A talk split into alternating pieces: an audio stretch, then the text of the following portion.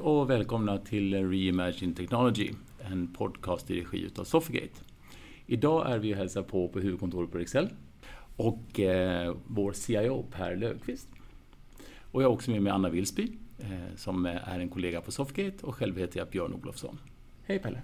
Hej! Hej! Är du lite nervös? Lite grann, ja. men det är alltid roligt att ha er här. Ja. Du, eh, för lyssnarnas skull, kan du inte berätta lite grann om din bakgrund? Jag tittade snabbt på LinkedIn och du har ju lite grann från buss och sen har du jättemycket från elbranschen. Kan du inte berätta lite kort om det, är du snäll? Jo, jag har väl alltid hållit på med, med automation och styrning i olika former. Så jag, jag började som automationstekniker och, och programmerade styrsystem. Sen har jag gått vidare inom, inom eh, den branschen och är utbildad eh, civilingenjör inom elektroteknik. Också där inom reglerteori för styrningens skull. Och sen så eh, gick banan mot Volvo bussar där jag kom in på ett spår där jag eh, var med och satte upp eh, en fabrik i Uddevalla där, eh, från grunden där vi, där vi gjorde hela automationslayouten. Och eh, sen ramlade jag tillbaks till, till elbranschen eh, från de som man handlar av. Det vill säga elgrossisterna som har allt elmaterial. Och där har jag nu varit i 13 år ungefär. När man säger elbranschen och Rexel som spelare på den marknaden, vad, vad, vad, är det för typ av bransch? Vilka komponenter ingår och hur ser kunderna ut? Och är det både business to business och business to consumer? Kan du lägga ut texten lite grann runt det, är du snäll? Det är business to business. Eh, vi vänder oss inte till konsument i dagsläget. Och eh, vi säljer allt elmaterial från det den tillverkas, det vill säga vid en kraftstation. Eh, kraftledningar, stolpar, ända in i husen, det vill säga eluttag, belysning är en väldigt stor del där det har gått mycket mode i också. Då. Så belysning har vuxit enormt de sista åren. När jag tittar på hemsidan så ser man att det finns en miljöagenda, eller en grön agenda också. Vad är det som händer på det området? Absolut. Vi har ju som elgrossist så sitter vi ju faktiskt mitt i ögat på att kunna hjälpa till att göra vår värld bättre. Eh, det vill säga att vi kan se till att vi blir energieffektivare, att vi kan eh, tillverka el genom solceller. Vi kan lagra energi lokalt så vi behöver inte ha allt utspritt. Vi behöver inte en massa utsläpp. Och där har vi verkligen en viktig roll att spela. Eh, därför har vi under flera år också som enda elgrossist varit med på Almedalsveckan och stolt ha haft föredrag, föreläsningar i olika former. Då. Det är ju väldigt aktuellt snart också. Vad var det för typ av föredrag och ämnen som ni behandlade? Det är till stor del runt solceller, runt laddning av, av elfordon, eh, elenergilagring, eh, men det är också energidebatt då, där vi har tagit in politiker och haft en paneldebatt där vi, där vi diskuterar fram och tillbaks vad kan elbranschen göra för det här. De eh, digitala satsningar som ni gör också, är det en led i det här arbetet också? Absolut, det digitala är ju en nödvändighet i alla affärer framåt. Eh, och vi kan ju se hos oss att den växer väldigt mycket och jag tror att den kommer att växa ännu mer. Vi har ju fortfarande en, en eh, stor täckning över landet med butiker, men även de försöker vi göra mer digitala. Ja, ni var ju nominerade till Årets digitala projekt förra året. Ja, mm. det är jätteroligt. Kan du berätta lite mer om det? Det var, eh, projektet var obemannade butiker och det innebar att vi eh, 2016 faktiskt sjösatte den första obemannade butiken som inte har någon personal alls. Och eh, sen har vi fortsatt på det spåret och har nu 22 butiker som är öppna nattetid. Det vill säga de är bemannade under dagtid med personal och sen under nattetid så kan kunderna gå in och handla. Och det är väldigt uppskattat, inte minst i storstäderna där man gärna kommer in för öppningstid för att man ska iväg på ett jobb och undvika trafiken. Eller efter arbetstid, eller efter kontorstid kan vi säga när man behöver komma in och hämta någonting.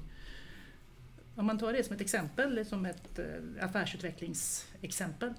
Om man tittar på er på IT, när, hur tidigt i processen blir ni involverade i det här arbetet? Ja, vi kommer alltid in tidigt egentligen kan vi säga. För det är någonting som man upptäcker. IT är med i allting och det kommer alltid bli en bättre lösning om vi är med tidigt. Och där är ju naturligtvis att vi från IT-sidan är framme och diskuterar affärer och inte bara vad är det för teknisk lösning utan vi är där för att vi ska förstå vad är det vi behöver göra för någonting för att det här ska bli bra. Och en av de positiva effekterna som kom ut av, av eh, när vi sa att vi skulle ha obemannade butiker var ju att ja, då behöver vi en självskanningslösning. Det var vi på redan 2007 eh, egentligen när, när eh, mataffärerna började med det här. Men då kom man ju fram till att då behövde vi eh, hårdvara, det vill säga skanners i butikerna. Det, sa, det har vi inte råd Vi har 62 butiker över landet. Vi har ett mönster där kunderna kommer in på morgonen, lite grann runt lunch och lite grann på eftermiddagen. Alltså skulle vi behöva väldigt många skanners vid få tillfällen. Så därför byggde vi istället en lösning med en med mobilapp där du kommer in och skannar av ditt. Och idag så används ju den lika mycket på dagtid. Så vi har butiker som är uppe i 60 i, i, eh, i scanning. Eh, det vill säga, och det frigör ju personalens tid. De har tid att jobba mer med hur butiken faktiskt ska se ut och göra. De har mer tid att jobba med de kunderna som kommer in och faktiskt behöver hjälp. Många är ju bara inne för att, att plocka åt sig det de behöver för en kund medan några faktiskt behöver stöd i vad, vad är det för lösning jag ska göra. I uppsnacket här innan vi gick i sändning så, eh, så frågade jag om det är en traditionell bransch, elbranschen, och det sa du att det var. Och att det är också är ett stort antal produkter som hanteras. Var är ni på väg eh, om man tittar några år framåt? Är det obemannade butiker eller är det en hybrid med bemannat och obemannat? Är det online eller, eller är det någon annan typ av eh, distributionskanal? Var är vi på väg? Jag tror att vi kommer att se, en, under överskådlig tid så kommer vi se en stor blandning.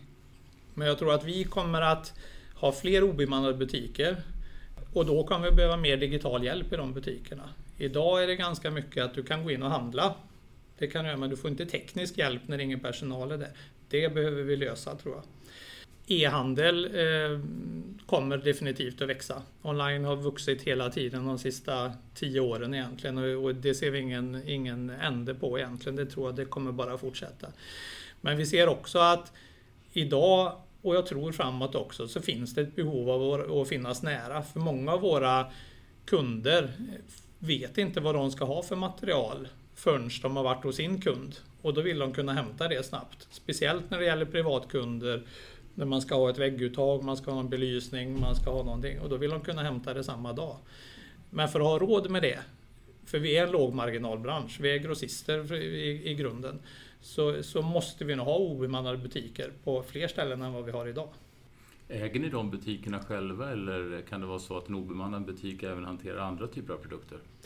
Idag så har vi ingen blandning. Eh, vi har systerföretag i, i bland annat Finland som delar butiksyta med, med liknande, inte, inte elgrossister men VVS-grossist då istället. Mm. Mm. Så det blir som en one-stop shop då för hantverkare? Precis. Du, när vi pratar produkter så börjar vi prata lite lösning och i uppsnacket pratar du också om tjänster. Eh, att man tar och kommer ännu högre upp i värdekedjan, närmare egentligen eh, slutkunden. Kan du inte berätta lite om det, är du snäll? Absolut. Vi, som jag sa, är ju en lågmarginalbransch och, och världen blir större och större så allting som vi säljer i mängder det kommer marginalerna att gå neråt. Det är nog ingen tvekan om det. Vi, vi måste bli effektivare i leverans, vi måste bli effektivare i sälj, vi måste skära kostnader i butiker som vi säger för att komma åt det. Och då som många andra i nuläget så tittar vi på tjänster. Och där har vi nyligen lanserat en tjänst eh, som är att vi säljer laddning av elbil som tjänst. Det vill säga att vi går ut till fastighetsägare och erbjuder dem tjänsten att få en stolpe finansierad med ett kort i där vem som helst kan gå in och betala och så får vi ett tick tillbaks på tjänsten eh, där vi tjänar lite pengar också då, förutom för det vi gör för installationen. Som ett abonnemang? Som ett abonnemang. Mm. Eller eh, ja, antingen så har ju fastighetsägaren det som en abonnemang men det kan också vara en slutkund som har det då. Om man tittar på eh, marginaler, produkterna i sig eh, driver ju en stor del av lönsamheten. Hur ser det ut i bakändan när det gäller eh, försörjning av komponenter och produkter? Är det egenägda fabriker eller köper ni via andra eller en hybrid? Och ställer det till lite utmaningar för er med tanke på de volymer ni hanterar? Eh, ja, det gör det. Till allra största del så, eh, så är, det ju, är vi ju grossister, det vill säga vi köper av andra eh, tillverkare. Men vi har också en, en stor del egna varumärken, inte minst på belysning. Och där har vi en försörjningskedja som kommer ifrån Asien, det vill säga där vi behöver köpa större volymer, det är lite större risktagande i. Belysning är också en sån där produkterna kanske inte lever mer än tre månader emellanåt. För att det kommer nytt med LED-tekniken kom och det kommer olika förbättringar hela tiden som gör att man, man um, bara lever i tre månader kanske och där, där det hela tiden byts snabbt. Och det är naturligtvis en större risk för oss då. Men där har vi ju en större marginal än när vi köper från en, en annan leverantör. Då.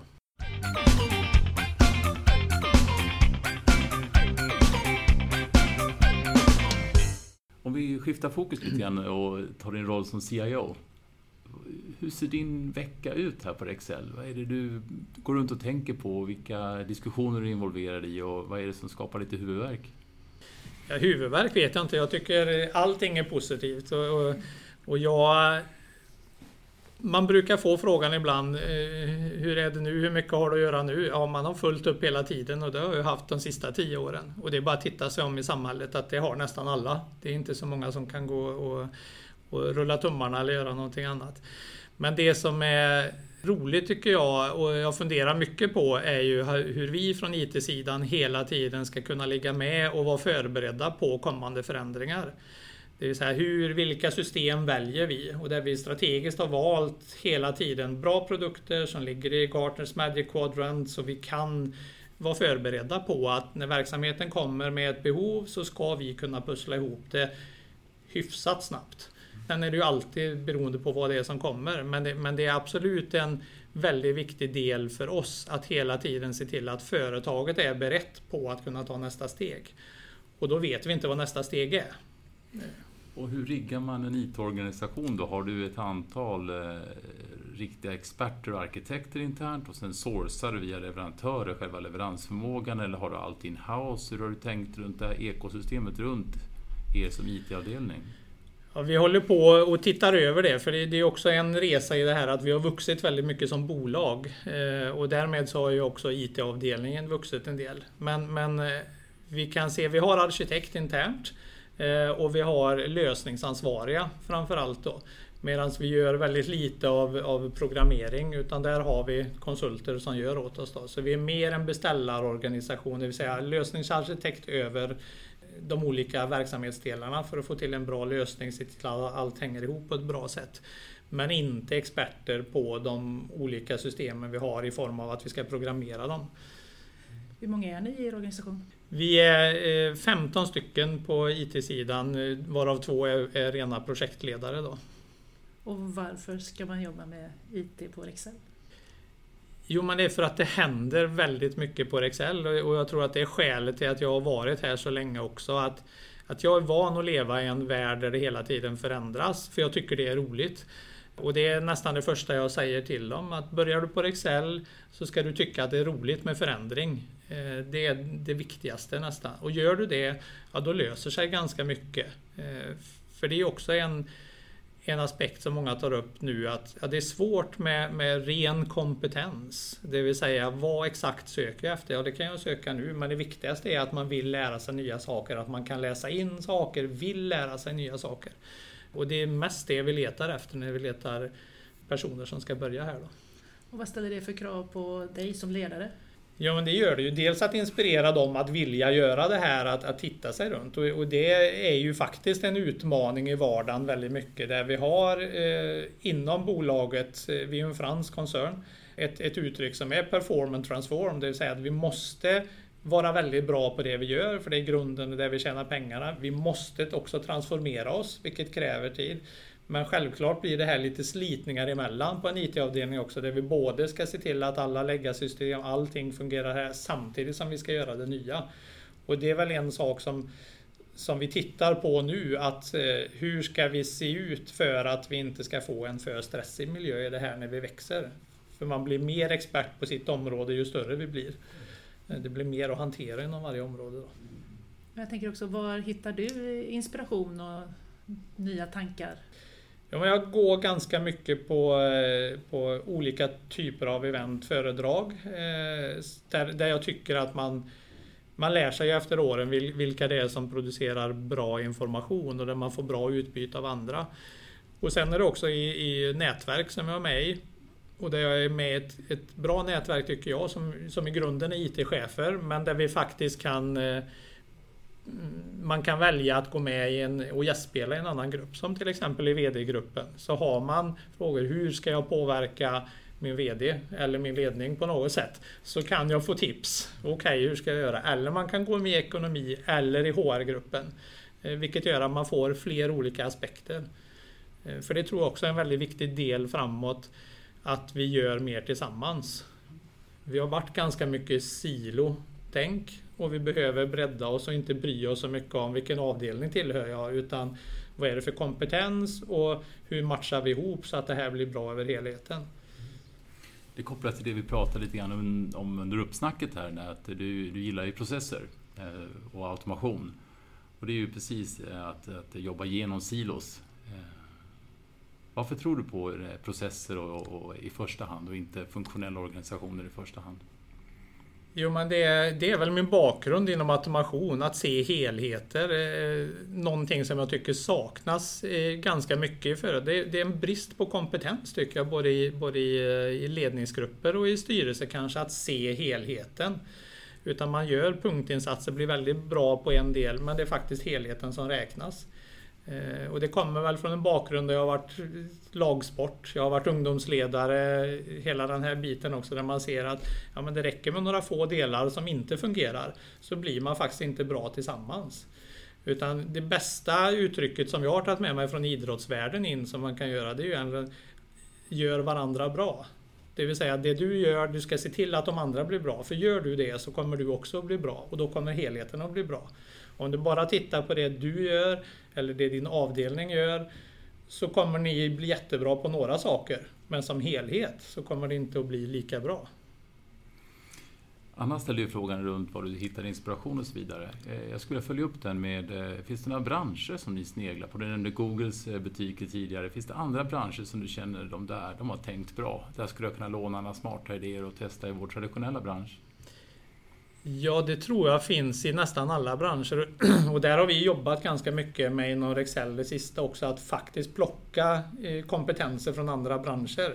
Det vill säga att förut så var en elgrossist, skulle vi ha en filialchef, så var det någon som skulle ha jobbat i branschen, skulle kunna det här. Men nu kanske vi plockar, gärna en, är det en butikssäljare så plockar vi gärna, det kan vara en från en klädkedja, det kan vara från en annan som faktiskt vet hur säljer man i butik. Då är inte pris exakt vad du säljer det viktiga, utan det är faktiskt hur, hur är kundupplevelsen i butik. Eh, och, och customer experience är ju en väldigt stor del som för att få helheten att hänga ihop. Då. Nu svävar jag ut lite från ämnet kände jag. Nej, jag tycker det är mitt i ämnet. Men om, om du tänker dig företag eller branscher som du känner är långt fram. Tittar ni på eh, klädesbranschen till exempel eller tittar ni på eh, IT-branschen, jag tänker tjänster. Eh, de är, hela IT-branschen går ju mot tjänster. Eh, är det någonting sånt du går runt och klurar på att eh, de här har kommit långt, de här har tänkt bra? Ja, det, hela retail är ju en föregångare till oss lite grann. Lite grann i det här som, som en självskanning, butiker och sånt. Så där tittar vi mycket, hur möter de kunden? Hur gör vi där? Eh, e-handelsbiten så, så tittar man ju också på de som är bäst på eh, både i, i Sverige men också i, i, i, världen på att vad säljer de? Hur jobbar man med marknadsföringen? Hur jobbar man med, med SEM till exempel då för, för sökord för att och, och komma rätt och så vidare. Eh, när det gäller tjänster som sådant så tittar vi på, på bland annat IT-bolagen också. Men jag kan inte säga att jag en specifik bransch utan det gäller nog att hålla sig ganska brett. Vad är det som, är, vad är det som finns runt omkring dig och vad kan du norpa? Då tar man lite grann här och var för att få ihop en bra helhet. Om vi pratar lite retail, där är det ju en stor debatt runt den här retail-döden, att alla butiker försvinner, att allt blir online. Och så blir det ju säkert inte. Men är, är lösningen på det att ha ett, eh, ett hybridkoncept med obemannade butiker, delvis bemannade och de som verkligen jobbar där är experter för att kunna hitta lösningar till kunder? Är det det som är eh, framgången tror du? Det tror jag absolut. Åtminstone i en, en framtid som jag kan överskåda. Sen är det alltid lite förmätet att titta 10 år, 15 år framåt. Hur ser det ut då? Men det som behövs nu är att, att vi säljer både på bara någon som är inne och hämtar, jag vill ha det här. Men vi säljer också väldigt mycket lösning. Och där behöver man den här kompetensen och där tror jag vi kommer att behöva erbjuda den lösningen både med att det kanske finns i butik men också att det finns på ett digitalt vis i butik. Det vill säga gå fram till skärmen, tryck på en knapp, få upp någon tekniker som sitter i videokonferens med dig och kan förklara, visa bilder, visa skisser, göra någonting. Men vi kommer inte ha råd att ha experter i varje butik. Det var någonting vi jobbade med förut. Eh, det vill säga en belysningsexpert, en kabelexpert. Men det blir väldigt mycket folk för vi har väldigt mycket områden att sälja på. Och återigen där så är det inte bara en belysning de vill ha. Utan de vill ha en helhetslösning för det här. Och då behöver vi tekniker som kan mer helhet. Sen givetvis har vi spetskompetens på vissa områden. Så. När du tänker på eh, din bakgrund för lagidrott och din historia runt automation och processer. Hur ser du på ledarskap? Vad är det viktigaste som ledare?